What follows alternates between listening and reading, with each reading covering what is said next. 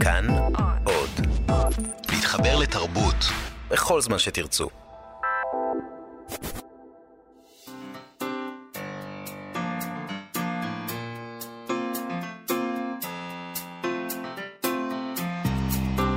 מה שכרוך עם שירי לב-ארי וענת שרון בלייס.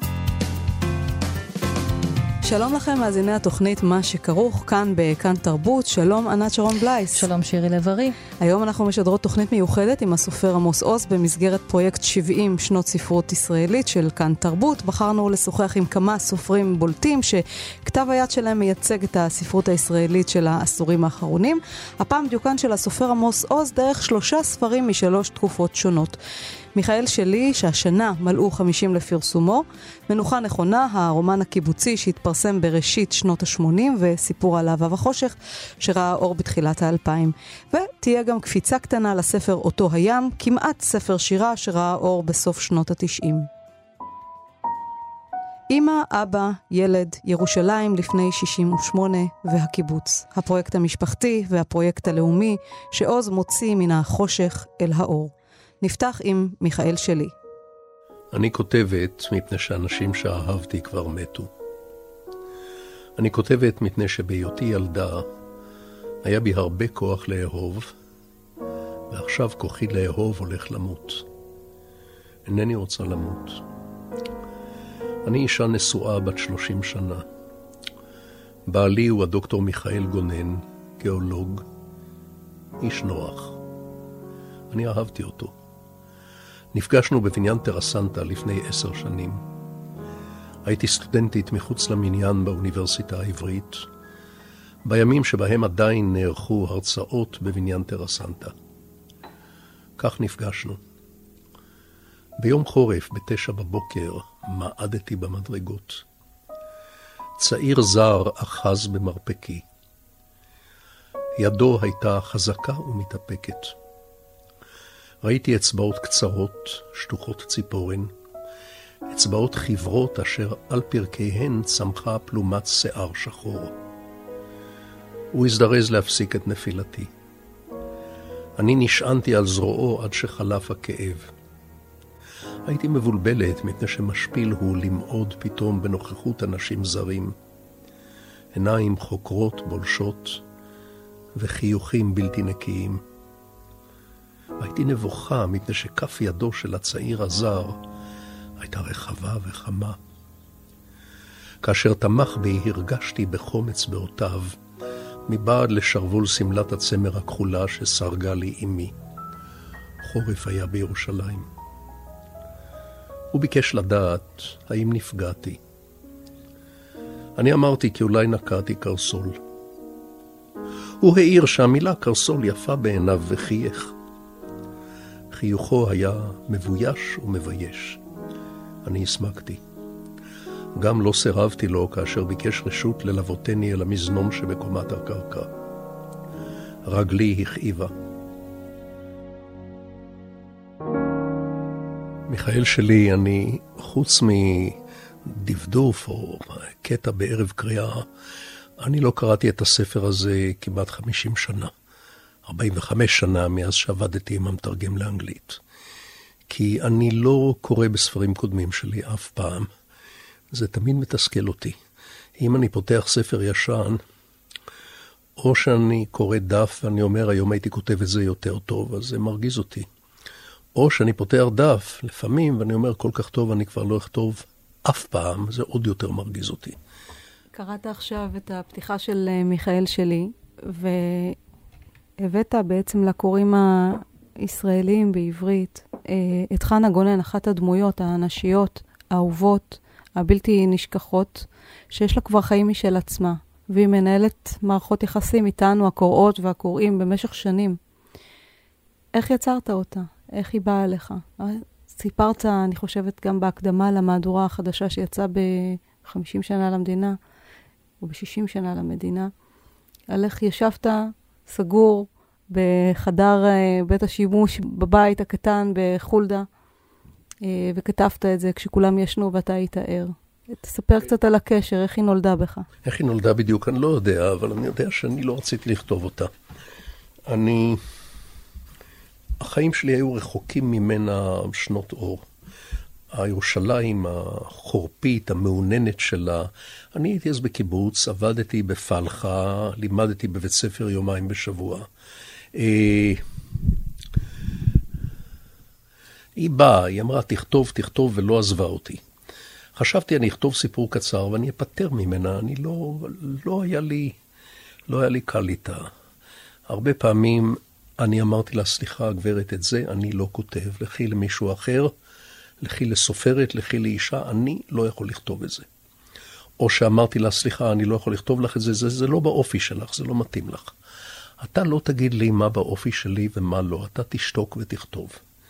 סליחה, את דמות שלי, אני לא עובד בשבילך. ככה היינו מכופפים ידיים, חנה ואני, ונמשך הרבה זמן. ולפעמים אני ויתרתי, לפעמים היא ויתרה עד היום, אני לא יודע אם הספר הזה היה יוצא יותר טוב, אילו הייתי מוותר יותר או פחות, או אילו היא הייתה מתעקשת יותר או פחות. וזה נכון שכתבתי אותו בשירותים, כי גרנו אז בקיבוץ בדירת חדר וחצי, ואני כתבתי בה לילות, בימים עבדתי, ולא יכולתי לכתוב שורה בלי סיגריה ביד, נילי הלכה לישון, והאור הפריע לה והסיגריות הפריעו לה. הפריעו לה. היו לנו שירותים בגודל של שירותים במטוס, כוך כזה. הייתי סוגר את מכסה האסלה, מתיישב, שם על הברכיים אלבום של ואן גוך שקיבלנו לחתונה, עליו בלוק מכתבים, והייתי כותב עד שנעצמו לי העיניים מעייפות, עד 12 עד 1 בלילה. אה, ככה זה יצא. היום, לא ברור לי מאיפה לקחתי את החוצפה בגיל 25 אולי. לכתוב ספר שלם מנקודת ראות של אישה. אבל הייתי צעיר, חשבתי שאני מבין נשים, שאני כבר יודע הכל. היום אני לא יודע אם הייתי מעז לעשות דבר כזה, אני חושב שלא. הספר הזה נכנס לרשימת 100 הספרים הטובים ביותר בשנת 2000 של הניו יורק טיימס.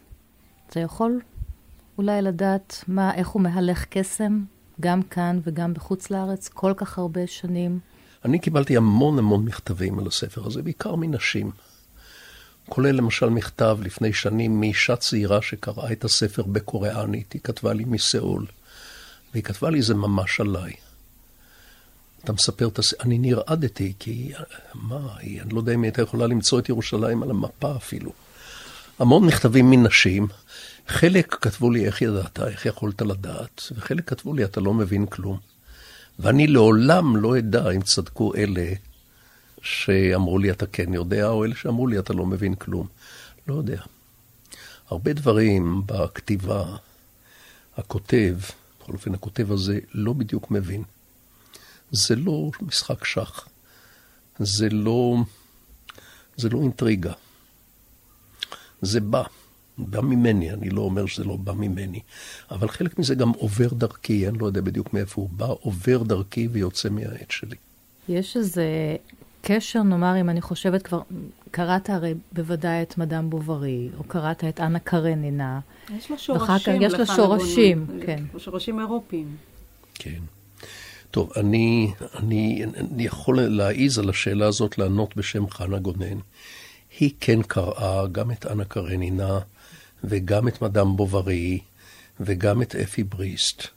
ולכן הדברים הפטאליים שהנשים האלה עשו לעצמם, פטאליים בחוקים של המאה ה-19, גם של זמנה. הדברים האלה בשבילה לא נראו כמוצא, כי היא ידעה לאן זה מוליך, והיא לא רצתה למות. היא אומרת את זה במילים הראשונות של הספר. היא לא רצתה למות והיא לא רצתה להיזרק לרחוב. ואתה הופך אותה לסופרת, כי היא כותבת. היא אומרת, אני מתיישבת וכותבת, אתה הופך אותה לאישה כותבת. לא כל אישה כותבת היא סופרת. והיא, חנה, היא לא, היא מספרת את הסיפור שלה. יוצא קצת גם הסיפור של הזמן והמקום שלה. ירושלים בשנים של האנטי קליימקס הגדול, אחרי הסער והפרץ של שנות ה-40, השואה, המלחמה, התקומה, הפרטיזנים, הפלמ"ח, פתאום בא בוקר המחרת. כמו שקורה לפעמים, אומרים, קורה לפעמים בחיי נישואין. בוקר המחרת, פרוזאי, אה, דחוק, תורים לקמח ותורים לסוכר ותורים לשמן ובעיות שיקום והמשכורת לא מספיקה. בוקר המחרת.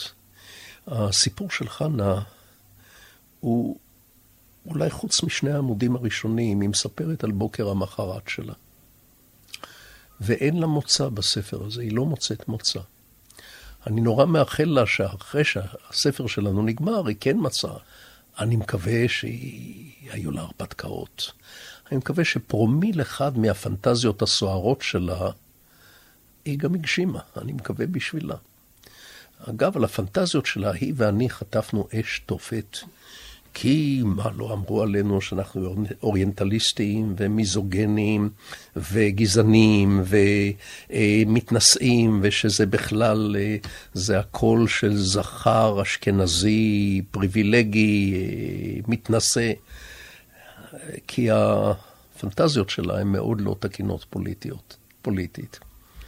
אילו אני וחנה היינו באמת רעי לב, אז היינו מאחלים לכל המבקרים שלנו שהפנטזיות המיניות שלהם תמיד תהיינה תקינות פוליטית למהדרין. כל כך נגעו באמת, אני, אני חושבת. השיקוף של היחס שלנו, כן, הפנטזיה שלה על האחים הערבים, עם השרירים הנמתחים, אני חושבת, זה בכל זאת ייצג איזה מין משיכה ופחד מהאנשים השכנים לנו, כן? שאנחנו, זה עתה התיידדנו איתם, או הכרנו אותם. זאת אומרת, אה, זה נגע באמת. את יודעת מה, אה, את אומרת את המילה ייצג, אז אני קצת מתכווץ. אמת אולי כן, אבל אמת זה לא תמיד ייצוג. אמת יכולה להיות גם בעולם של, לא יודע, של משאלות לב, של פנטזיות, של דמיונות. גם יכולה להיות יותר מאחת. אני לא יודע אם חנה מייצגת מישהו.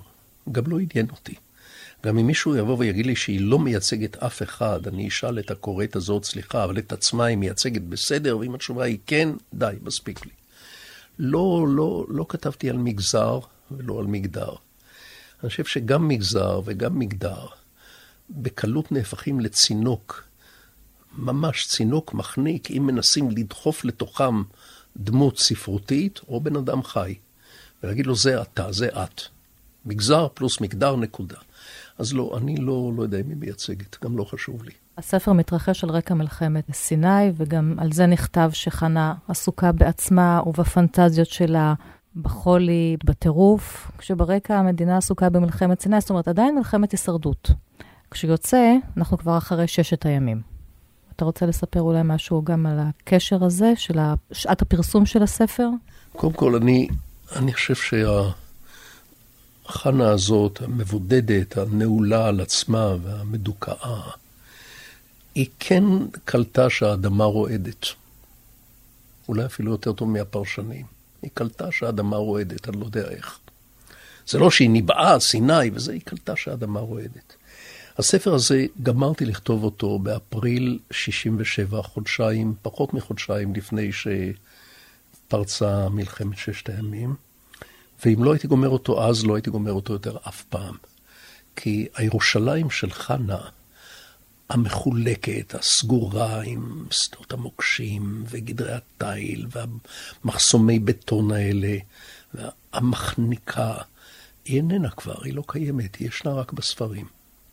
ויכול להיות שאילו זה היה נופל עליי באמצע כתיבת הספר, עם ירושלים של זהב, ועם אה, האורגיה של הכותל, התעלות הנפש או מה, אני לא הייתי גומר את הספר הזה. היה לי מזל שגמרתי את הכתיבה ממש ממש פחות מחודשיים לפני שגייסו אותי למלחמה הזאת. אני מנסה לדמיין אותך יושב בלילות ומעשן וכותב את חנה גונן, ולשאול אותך, מה הבנת עליה? אני לא יודע אם הבנתי אותה, אני שמעתי אותה. היום אני כבר לא שומע אותה. אבל אני זוכר שישבתי שם בלילות עם הכוך הזה המלא עשן סיגריות שכמעט לא ראיתי מרוב אפור, ואני שמעתי, ממש שמעתי את הקול שלה. ושמעתי אפילו את צורת הדיבור שלה, שמעתי אפילו את השקט שלה. אם הבנתי, אני יודע. אני אפילו לא בטוח שאני מבין את המילה להבין כשמדובר על בני אדם. אז זה הקטע שהיא מגלה שבעלה כנראה בוגד בה, זה לא ברור. אני קרובה אל הצחוק הפנימי יותר מאשר אל הקנאה. לכל המרובה דומה מיכאל עכשיו לחתולנו צח, אשר אי פעם התאמץ בניטורים עילגים ללכוד פרפר שריחף סמוך לתקרת החדר. לפני כעשר שנים ראינו מיכאל ואני בקולנוע אדיסון סרט בהשתתפות גרטה גרבו. גיבורת הסרט הקריבה את גופה ואת נפשה למען גבר גס.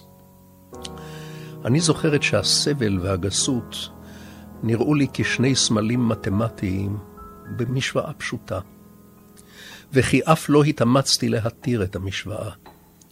אני התבוננתי אל הבד באלכסון, עד שהפכו תמונות הסרט לזרם של גיוונים מרצדים בין שחור ללבן, ובעיקר במדרגות שונות של אפור בהיר. גם עכשיו אינני מתאמצת להתיר ולפתור. אני מתבוננת באלכסון. ורק עייפה אני הרבה יותר. עם זאת, הן השתנה דבר מה, לאחר כל השנים השטוחות הללו. שנים רבות השעין מיכאל את שני מרפקיו על ההגה, ונח לו מהרהר או מנמנם. ייסע לשלום. אני אינני משתתפת. ויתרתי. הנה כשהייתי ילדה בת שמונה האמנתי שאם אתנהג כנער לכל דבר, יופיעו בגופי סימנים של נער, ולא אתבגר כאישה. איזו התאמצות מופרכת. לא לי לטפס ולשעות תרופת נשימה כאישה משוגעת, אני נפקחתי. סע לשלום, מיכאל. אני אעמוד לי מאחורי החלון ואחרות באצבעי סימנים בעד המכסה את הזגוגית. אתה חופשי לחשוב שאני מנפנפת לך בידי. לא אתקן את טעותך. אינני עמך. אנחנו שניים ולא אחד.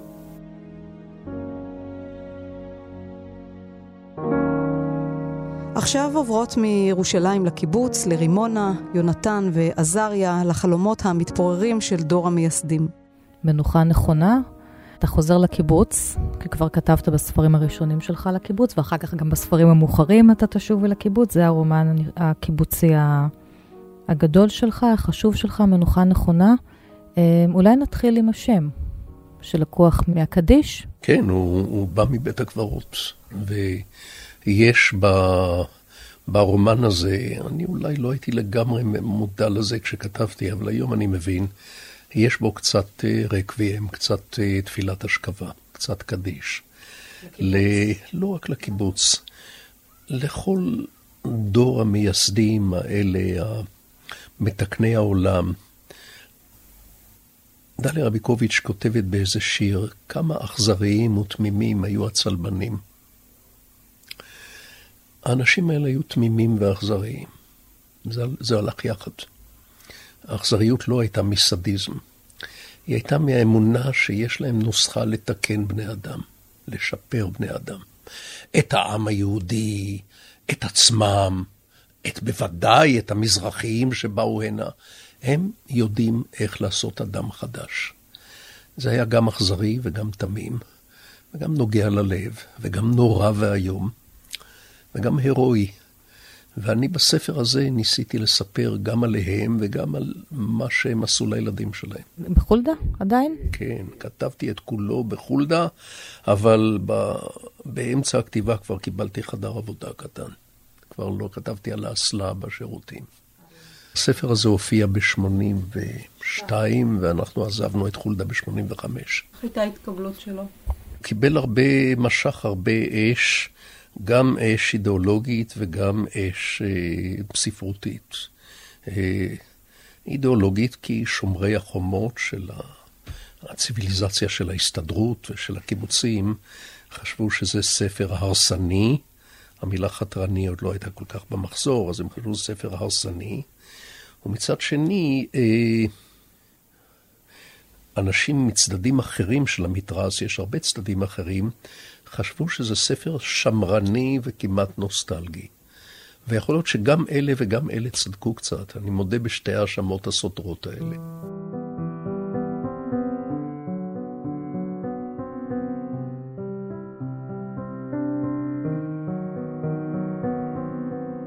איש קם ועובר ממקום למקום. מה שהשאיר האיש מאחוריו, נשאר מאחוריו ומביט בגבו. בחורף, בשנת 65, החליט יונתן ליפשיץ לעזוב את אשתו ואת הקיבוץ שבו נולד ובו גדל. הוא גמר בליבו לצאת ולהתחיל בחיים חדשים. בשנות ילדותו, בנעוריו, בתקופת שירותו בצבא, תמיד מוקף היה במעגל קרוב של אנשים ונשים שלא חדלו להתערב בחייו. הוא הלך והרגיש שהנשים והאנשים האלה סוגרים בפניו דבר מה, וכי אין להמשיך בוויתורים.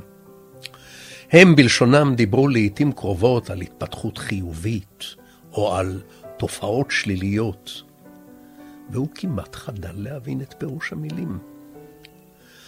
אם עמד לבדו בחלון בסוף היום וראה ציפורים עפות בדמדומי הערב, היה ליבו מסכים בשלווה שהציפורים האלה סוף סוף ימותו כולן.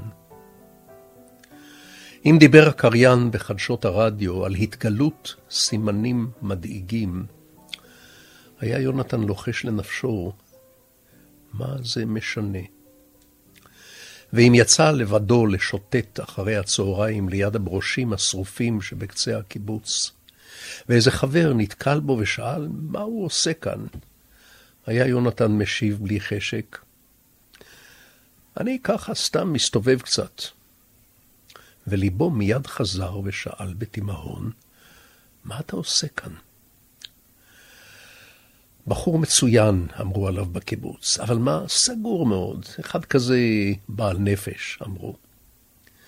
עכשיו בן 26 ולא הליכות עצורות או מהורהרות, התעורר בו רצון להיות סוף סוף לבדו ובלי אחרים, ולהתחיל לבדוק מה יש. כי לפעמים תקפה אותו ההרגשה שחייו עוברים בחדר סגור, מלא דיבורים ועשן, ובו מתנהל בלי הרף איזה ויכוח יגע בנושא משונה וברעש גדול, והוא לא ידע מה הדבר ולא רצה להתערב, אלא לקום ולצאת וללכת למקום שבו אולי מחכים לו, אך לא יחכו בלי סוף, ואם יאחר, יאחר. מה המקום ההוא לא ידע יונתן ליפשיץ, אבל הרגיש שאין להתמהמה עוד. עם יונתן ליפשיץ, אם הוא משקף משהו מהלך הרוח שאתה היית מצוי בו בשעת הכתיבה? אני חושב שלא, כי אם הייתי בהלך רוח כזה, לא הייתי יכול לכתוב. הייתי צריך להיות אה, במרחק מוגדר מן הבחור הזה, וגם מן הבחור השני בסיפור, וגם מן ההורים. בלי המרחק הזה אי אפשר לכתוב. גם אי אפשר לכתוב אם אתה בכלל בגלקסיה אחרת, אבל צריך מרחק. לא, זה לא היה... זה לא היה וידוי. הקטע הזה שקראתי עכשיו, זה לא היה וידוי.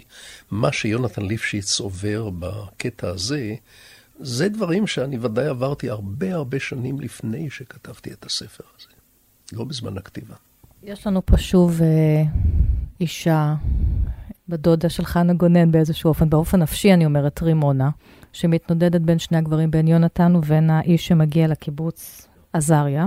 וגם מלאת תשוקות, מלאת פנטזיות.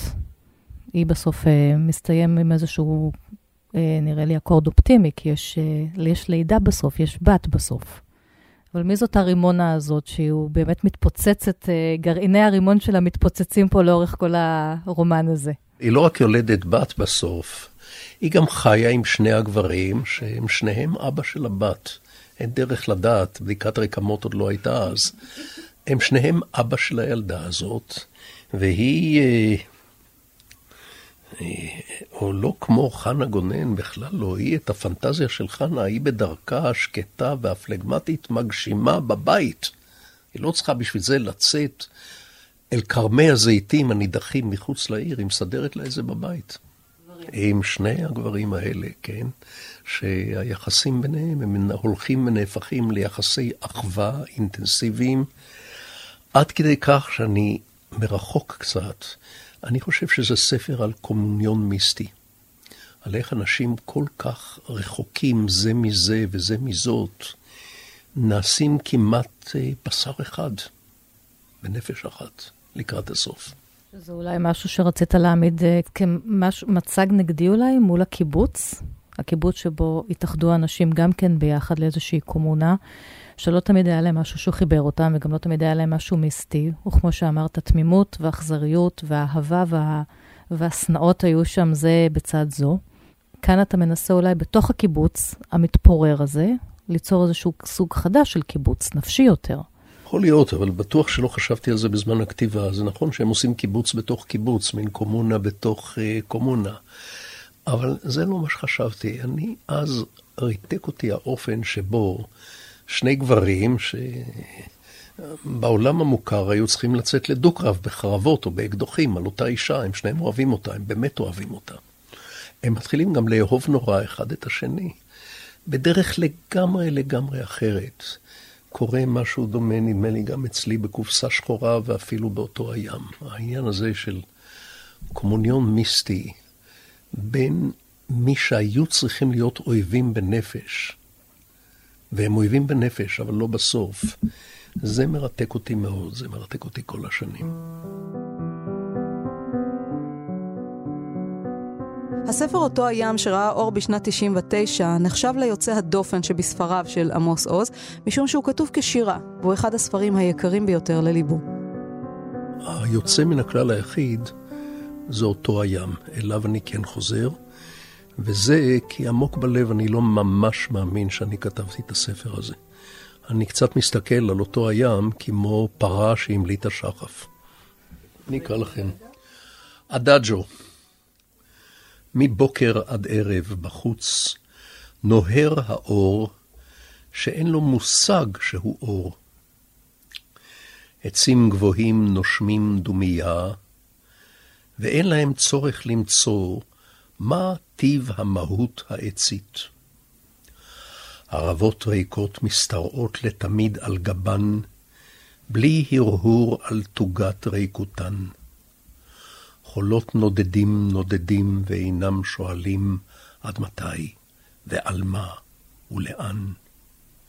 כל היש הזה המופלא, מופלא, אך אינו מתפלא. אדום עולה הירח, דומה לעין שפוכה, צורב את חשקת השמיים, שומם, אך לא משתומם. חתול מנמנם על גדר, מנמנם ונושם, לא יותר. לילה לילה הרוח סובב נושב על פני יערות וגבעות. סובב הולך לו, נושב, לא חושב ולא מערער. רק אתה, עפר וליכה, עד הבוקר כותב, בוחק, מחפש סיבה, מחפש תיקון. אני נסעתי לכפר קטן בקפריסין בקיץ של 94 או 95 עם רשימות לרומן, היו לי שמות של הדמויות, היו לי איזה קווים לעלילה, אני הכרתי אותם כבר. וישבתי שם באיזה מין אכסניה כפרית על, על מרפסת מול הים בין ההרים, כפר נידח. וכל היום כתבתי, ובערב, בסוף היום, אני הייתי עושה לי קצת רשימות לעבודה של מחר, ואת הרשימות האלה הייתי עושה בשורות קצרות, ולפעמים בחרוזים, ככה, אולי כי הייתי עייף, ואולי ל...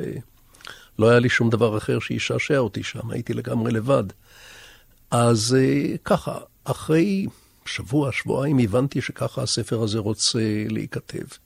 הוא לא רוצה רק לספר סיפור, הוא רוצה גם לשיר ולרקוד. אז יצא מין דבר טורבדורי כזה, ש... זה סיפור, וזה המצאה, וזה עליי, וזה על אחרים, וזה גוזמאות, וזה עם חרוזים, בלי חרוזים, מוזיקה, סקרצו יש שם, דאג'ו, סטאבת מאטר, מגניפיקט. זה מין, אה, מין יצור כלאיים כזה. ואני אני כן חוזר אליו, ואני מביט בו בהשתאות, אני חושב שיצא טוב. יכול להיות שהוא עשה לך איזושהי הקדמה, גם נפשית וגם פואטית, לספר על אהבה וחושך? הוא, הוא הכין אותך כי זה הגיע אחר כך. זה מאוד יכול להיות, כי אהבה וחושך אני כתבתי בהפסקות ובהמשכים הרבה שנים, עוד לא ידעתי שזה יהיה אהבה וחושך. לא ידעתי שזה יהיה ספר, אבל היו קטעים שכתבתי בלי סדר.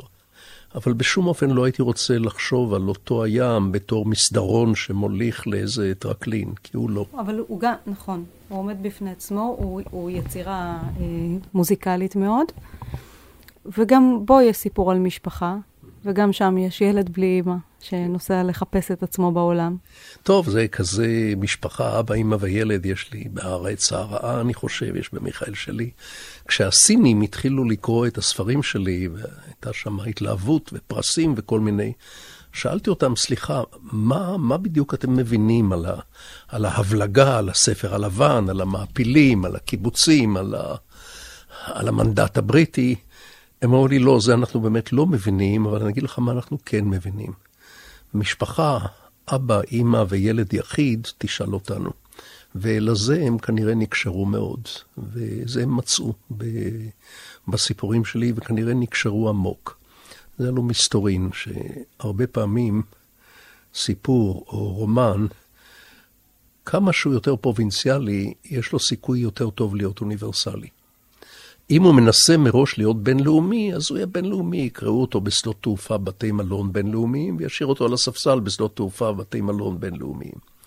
הספרים, אלה שאני אוהב בכל אופן, הם נורא פרובינציאליים, צ'כוב, פוקנר, אה, הברדלס של למפדוזה, אפילו גרסיה מרקז. חור נידח, מי היה שם?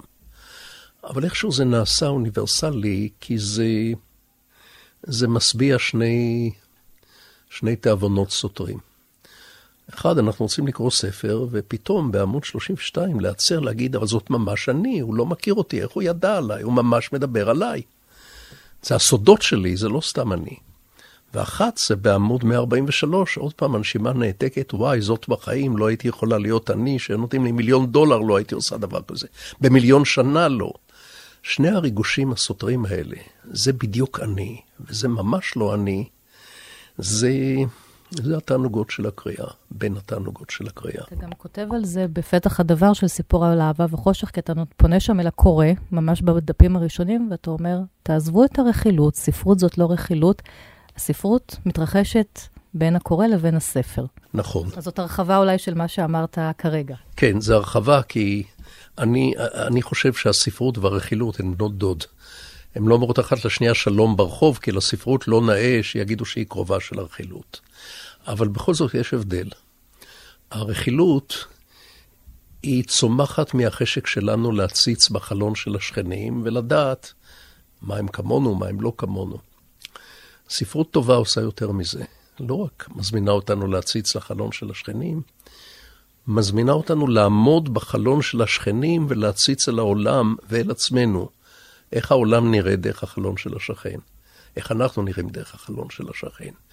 אז זה דבר יותר משוכלל קצת, כי הרכילות בסוף מביאה את הצפוי, שכולנו אותו דבר. אם תחפור קצת, תגרה, תמצא שכולם אותו דבר. וזה נכון לא נכון, כן נכון, לא נכון. היה פעם סיפור קצר באנגלית, לא זוכר מי כתב אותו, לא זוכר על מה, לא זוכר את הדמויות, כלום. רק זוכר את השם. קראו לו All our secrets are the same. כל סודותינו הם אותו סוד. לכאורה זה לא נכון, אין שני אנשים עם אותם סודות. אבל אם חופרים קצת זה כן נכון, כי כל אחד רוצה קצת יותר אהבה ממה שהוא מקבל, לא משנה כמה הוא מקבל. וכל אחד פוחד מפני הלא ידוע, וכל אחד היה רוצה להיות בריא, וכל אחד היה רוצה שאוהבו אותו ויבינו אותו, וכל אחד היה רוצה שלא יפגעו בו. אבל אם חופרים עוד יותר עמוק, עוד פעם כל אחד והסודות שלו. אבל אם חופרים עוד יותר עמוק, עוד פעם, זה מתחבר ואני לא יודע כמה. אז כל הסודות שלנו, שלנו הם אותו סוד, כן, לא, כן, לא, כן, לא. הרכילות נותנת לנו רק את הכן, לא הראשון. ספרים שאני אוהב נותנים לי שכבה אחרי שכבה של הכן ולא הזה. וכעת, לסיום השיחה, נשוב לירושלים, למשפחת קלוזנר, פניה, אריה ועמוס, לדירת המרתף בשכונת כרם אברהם. פעם אחת כשהייתי בן שבע או שמונה, אמרה לי אימא כשישבנו שנינו על הספסל שלפני האחרון, באוטובוס של חברת המקשר, בדרכנו למרפאה או לחנות נעלי ילדים, כי אמנם נכון שספרים עלולים להשתנות במשך השנים, לא פחות מכפי שאנשים משתנים עם הזמן, אבל ההבדל הוא בכך שאנשים, כמעט כולם יעזבו אותך בסופו של דבר לנפשך, כאשר יבוא יום שבו שוב לא יפיקו ממך שום תועלת, או עונג, או עניין, או לפחות הרגשה טובה. ואילו הספרים לעולם לא ינטשו אותך. אתה אותם ודאי תעזוב לפעמים, ואחדים מהם אתה ודאי גם תעזוב לשנים רבות או לתמיד. אך הם, הספרים, גם אם בגדת בהם, הם לעולם לא יפנו לך עורף. בדומייה שלמה ובענווה הם ימתינו לך על האצטבה. אפילו עשרות שנים ימתינו, לא יתלוננו.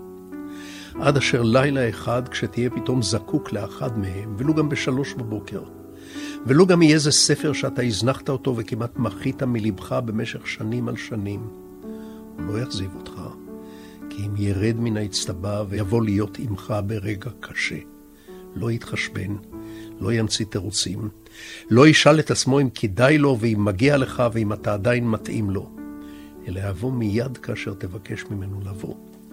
לעולם לא יבגוד בך.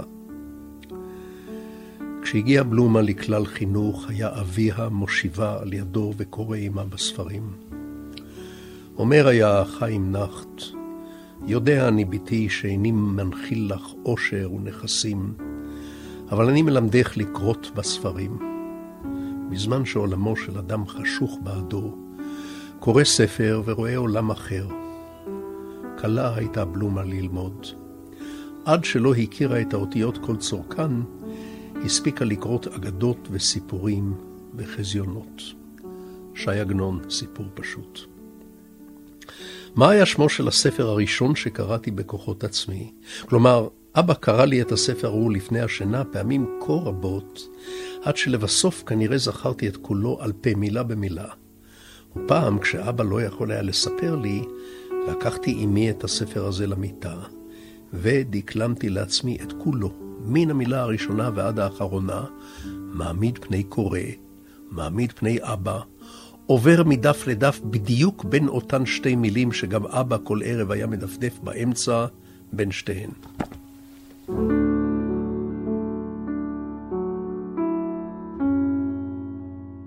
הספר הזה, סיפור על החושך, גם uh, מספר את הסיפור הפרטי, האישי שלך. גם מספר, מנסח uh, כל כך יפה את הסיפור היהודי-ישראלי.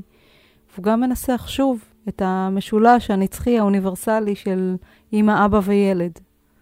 אז כל שלוש השכבות האלה, ובוודאי יש עוד שכבות, נמצאות בספר הזה, ש... שבאמת נחשב, אני לא יודעת אם אתה מגדיר אותו כפסגת היצירה, כי קשה להגיד את זה, קשה להגיד את זה על ספר אחד, אבל הוא בוודאי פתח אחריו עוד אה, לא מעט ספרים של רומנים אוטוביוגרפיים אה, שבאו בעקבותיו. גם לפניו נכתבו כמה, אבל אחריו יותר. אבל את אומרת רומן ואת אומרת אוטוביוגרפי. בעיניי זה לא רומן, זה סיפור. ההגדרה היא בכותרת.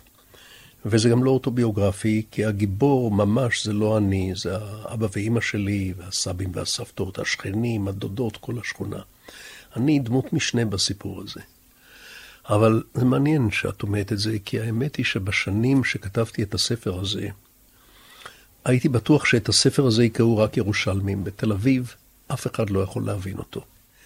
וגם לא כל הירושלמים, רק הצפון ירושלמים, כי אלה מהדרום, מה הם יודעים מהחיים שלהם, וגם אלה בצפון ירושלים, רק אלה שהם בערך מהבציר שלי, מהשנתונים שלי, וטעיתי.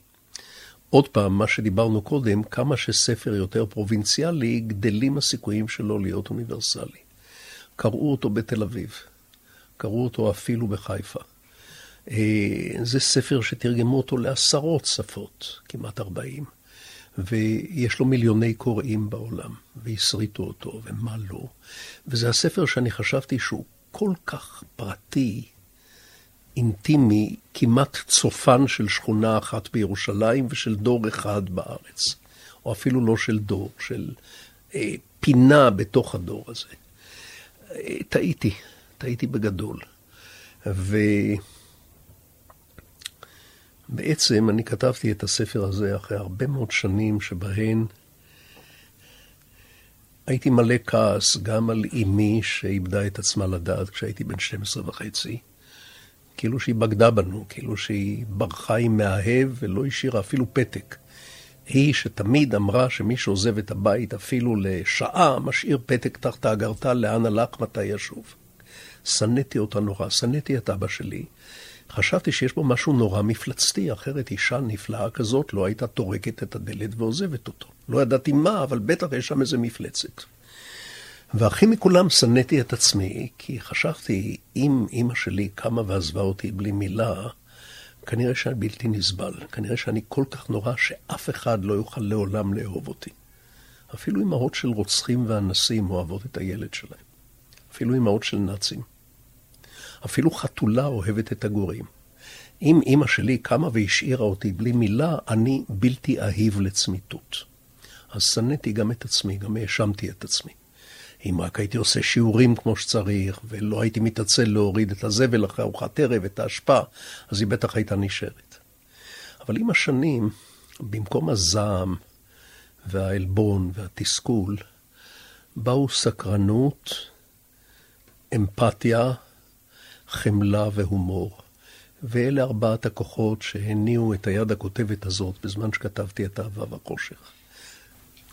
סקרנות, אמפתיה, חמלה והומור. לא תמצאי פה אפילו גרם אחד של מרירות. זה מעניין, כי דיברנו קודם על uh, מיכאל שלי.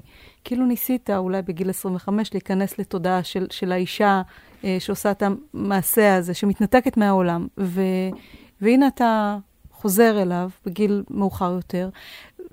תספר קצת על הכתיבה, על תהליך הכתיבה של הספר, כי אתה אומר שכתבת אותו במשך הרבה שנים.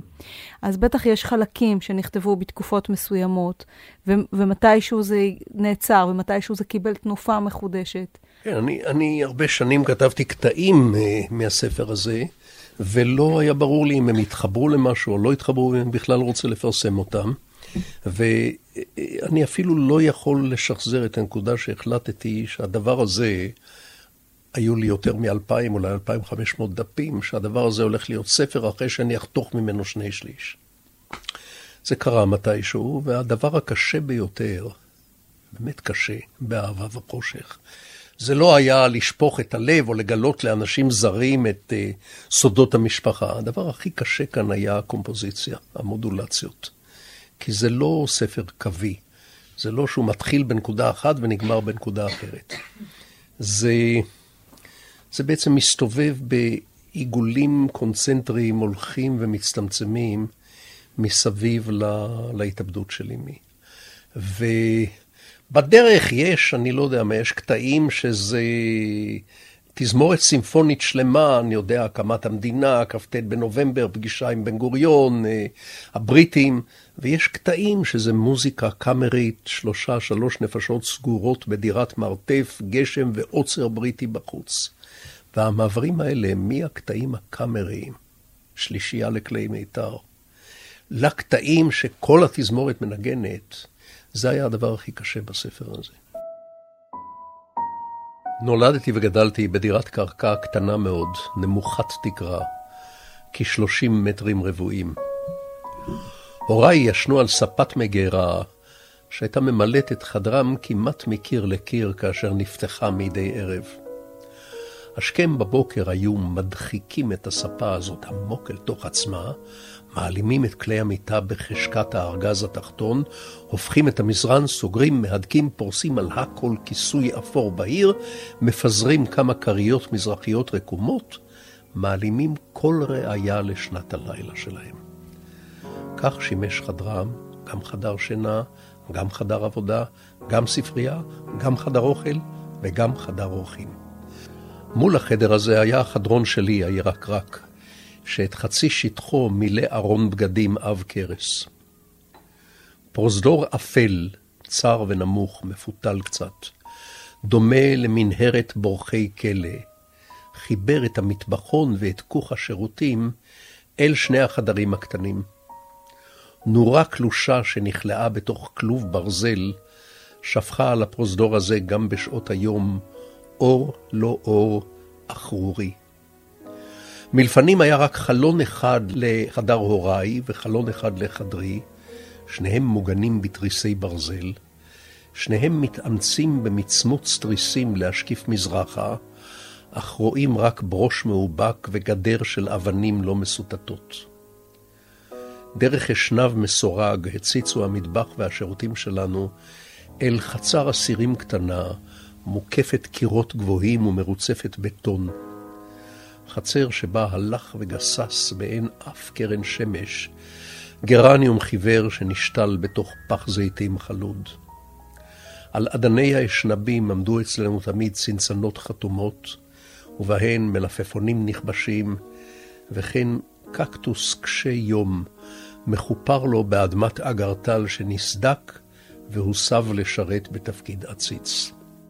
אני מקשיבה לך עכשיו שאתה קורא את הפתיחה של אה, סיפור על אהבה וחושך, ואני כבר חושבת על המפתחות הפואטיים שאתה נותן כאן, על המיטה, שהיא מיטה בלילה, ובבוקר היא הופכת להיות ספה. אתם יכולים לקרוא את הספר הזה כמיטה, אתם יכולים לקרוא את הספר הזה כחדר אורחים.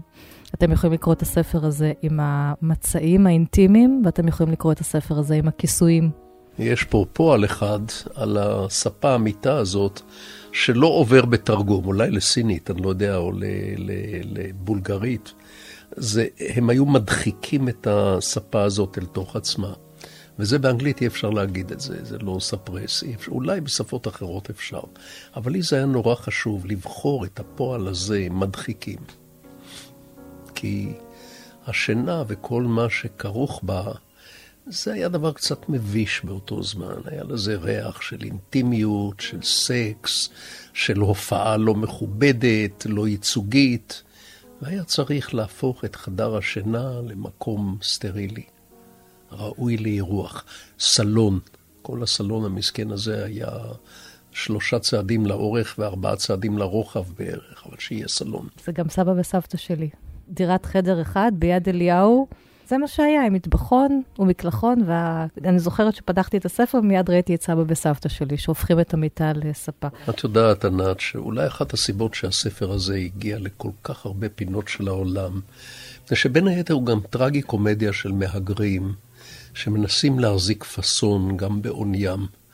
גם כשהם חיים בדירת מהגרים דחוקה או במרתף, שיהיה פאסון, שיראה מכובד, שיראה בורגני, שיראה אה, נאה כלפי העולם, שיהיה ייצוגי. אתה כותב אבל על כל החוטים הסבוכים, הזוהרים וגם המדממים בין שלושתכם, ואתה גם כותב אבל איך אתה הופך להיות אדם, סופר, על קריאה, על תשוקת הספרות, על תשוקת הכתיבה, על תשוקת המילה, על תשוקת העברית.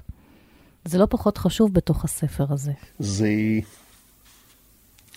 איך מתוך הילד צומח איש כותב, למרות שכשהייתי קטן, אני גם רציתי יותר להיות מכבה אש מאשר להיות כותב. לא, זה לא מדויק. אבל הספר הזה נושא על גבו את המטען ההיסטורי, של לפחות של יהדות אירופה, אה, והוא, והוא מספר סיפור שגם לו יש כבר חיים משל עצמו. הוא, הוא, אתה לא אוהב את המילה מייצג, אבל הוא מספר דרך הסיפור שלך, סיפור של הרבה מאוד אנשים. כנראה שכן, אני לא כל כך התכוונתי לזה. אני הייתי לגמרי מרוכז. באמת בתנועות הדקות, מי אמר, איך ישבו, מה אכלו, איך ריהטו, למה התגעגעו, מה צנזרו. לא חשבתי על השאלה אם זה ייצג, להפך, אמרתי לך קודם, חשבתי שזה מייצג רק את השכונה שלי בקושי. אה, אבל כנראה שכן, כנראה שיש פה גם הטרגי-קומדיה של מהגרים בכל מקום. אפילו אמר לי אדם אחד, אני זוכר את שמו, אני לא אגיד, על מדרגות האוניברסיטת בן גוריון בבאר שבע. הוא אמר לי, אני קורא את סיפור על אהבה וחושך, ואני לא ידעתי שאשכנזים כל כך דומים למזרחיים. אז כנראה זה עוד פעם, אנחנו חוזרים לעניין של כל הסודות שלנו עם אותו סוד. כן ולא, וכן ולא, ועוד פעם כן. יש פה כנראה משהו שנגע. אני עם הספר הזה כאילו קדחתי בחצר שלי קידוח משפחתי בשביל הנכדים שלי, שלא הכירו את ההורים שלי. אפילו הילדים שלי לא הכירו בעצם את ההורים שלי. קדחתי בחצר קידוח פרטי, וכאילו שהמקדחה פתאום פגעה באיזה עורק של מתח גבוה, ומהמון חלונות התחילו להבהב אליי אורות כאלה, מי טו, מי טו, לא במובן של עכשיו. גם אולי, אבל לא רק, לא בעיקר. והמון אנשים ממקומות רחוקים, ממקומות שלא שיערתי, הם אמרו, אבל זה גם עליי, זה גם עליי. זה שימח אותי, אבל גם הפתיע אותי מאוד, לא הייתי מוכן לזה. באותו יסוד שקראנו קודם במיכאל שלי, הכתיבה כנגד השכחה, כנגד המוות, זה סם, סם החיים. תראי, את אומרת את זה במילים גדולות מאוד, כתיבה סם חיים נגד המוות. אני אגיד לך את זה במילים קטנות. דיסקט גיבוי. רציתי שלילדים ולנכדים שלי יהיה דיסקט גיבוי בתוך הנהר הגדול הזה שהכל נשכח. והיה לי חשוב להציל כל מיני דברים מהציפורניים של הזמן, חלק מהם גם דברים נורא יומיומיים וטריוויאליים, איך בישלו, מה קנו בחנויות, איך הם התגעגעו בסתר אל הנופים של הארץ הישנה שהם השאירו מאחריהם, ולמה צנזרו את זה מהילד. מה הם קיוו, על מה הם חלמו, אה, ממה הם פחדו נורא. גם איך התלבשו, איך קנו נעליים. אה, הכל. דיסקט גיבוי, 600 עמוד זה הרבה, אבל זה כלום. זה קצת מזכיר את מה שאמרת קודם אה, על אה, מיכאל שלי, שהספקת לכתוב אותו לפני 67. גם את זה, גם את ירושלים, שלפני האיחוד אה, הצלחת להציל מציפורני הזמן. אז זה בעצם, אולי זאת המוטיבציה? סופרים זה אנשים בעלי מום שנולדים עם הראש והצוואר מסובבים אחורנית. סיפור עצם ההגדרה של המילה סיפור זה היו היה, לפני שנים רבות, בארץ רחוקה. גם סיפור שלא מתחיל ככה, כן מתחיל ככה. אפילו סיפור על העתיד, אני יודע, מדע דמיוני, גם שם זה יתחיל, בתחילת השבוע אמר הקפטן שאנחנו בדרך אל הכוכב ההוא וההוא. הוא אמר, הוא לא יגיד. זה חי בעבר. ו... וגם חופר, וגם נובר, אבל לא רק משחזר. זהירות. יש פה גם המצאה, יש פה גם וריאציות, יש פה גם הגזמות, יש פה wishful thinking, יש פה התרברבות ולהפך אה, בושות. אם אני מספר באיזה מקום באהבה וחושך, אני לא זוכר איפה, על מה שהלך בין סבא לסבתא שלי במיטה הרבה שנים לפני שנולדתי, הרי לא היו אז מכשירי הקלטה או טלוויזיות במעגל סגור, אין לי תיעוד. אם הייתי שואל את סבא, מה אתה וסבתא עשיתם במיטה, הייתי חוטף את סטירת הלחי של חיי. אבל היה לי מקור אמין לגמרי. אני פניתי לגנים שלי, של עצמי, ואמרתי ככה, גנים יקרים שלי, ספרו לי בבקשה מה סבא וסבתא עשו במיטה 20 שנה לפני שנולדתי. והיות והגנים שלי זה הגנים שלהם, קיבלתי תיאור שאם הייתי מכניס את כולו, היה באמת ספר כחול אמיתי. הכנסתי רק קצת. עד כאן התוכנית עם הסופר עמוס עוז כחלק מפרויקט 70 שנה, 70 ספרים, כאן באולפן, ענת שרון בלייס ושירי לב-ארי. אתם מוזמנים להיכנס לאתר כאן, שבו נמצא עמוד המיזם שלנו וכל הפודקאסטים המופקים עבורו. תודה ולהתראות.